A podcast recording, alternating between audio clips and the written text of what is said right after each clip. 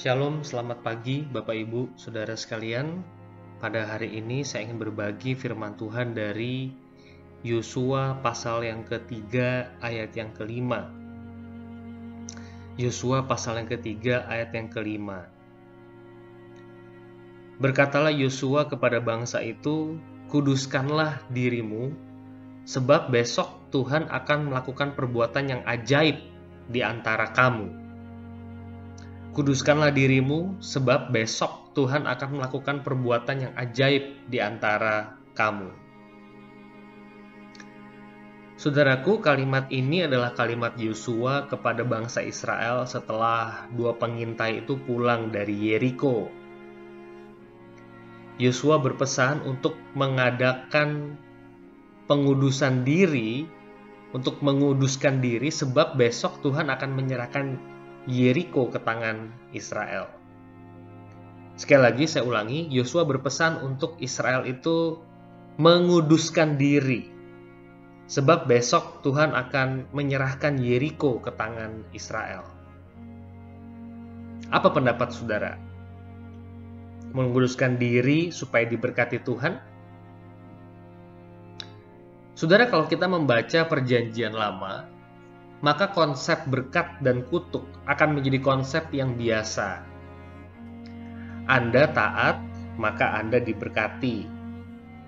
Anda tidak taat, maka Anda tidak diberkati. Besok adalah hari Israel bertempur melawan Yeriko.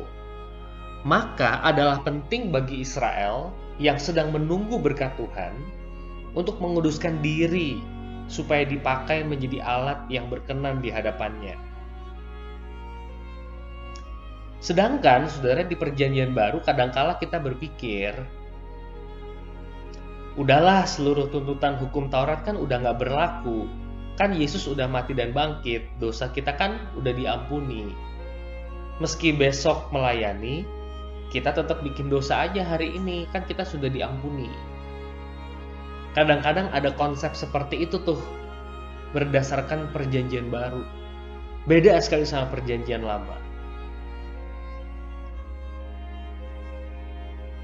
Saudara, saya ingin mengutip satu ayat di perjanjian baru yang saya rasa relevan dengan Yosua 3 ayat 5. 2 Timotius 2 ayat 21 berkata, Jika seorang menyucikan dirinya dari hal-hal yang jahat, ia akan menjadi perabot rumah untuk maksud yang mulia. Ia dikuduskan, dipandang layak untuk dipakai tuannya, dan disediakan untuk tetap untuk setiap pekerjaan yang mulia.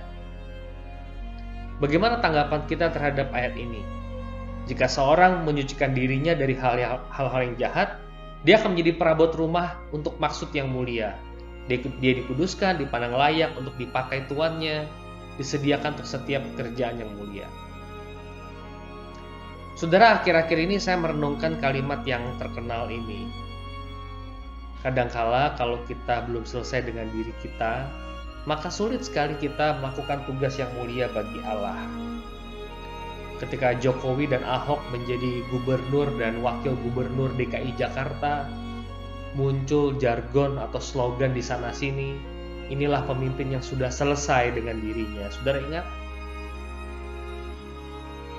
Saudara kita masih harus berdamai dengan diri kita. Kita harus berdamai dengan luka-luka masa lalu kita. Kita harus beresin hal-hal atau masalah-masalah yang masih membelenggu kita. Karena hidup kita tidak bisa moving, tidak bisa moving forward, tapi masih moving backward atau staying hanya tinggal di mana kita berada pada saat ini. Belum bisa move on dengan hal-hal di dalam diri kita.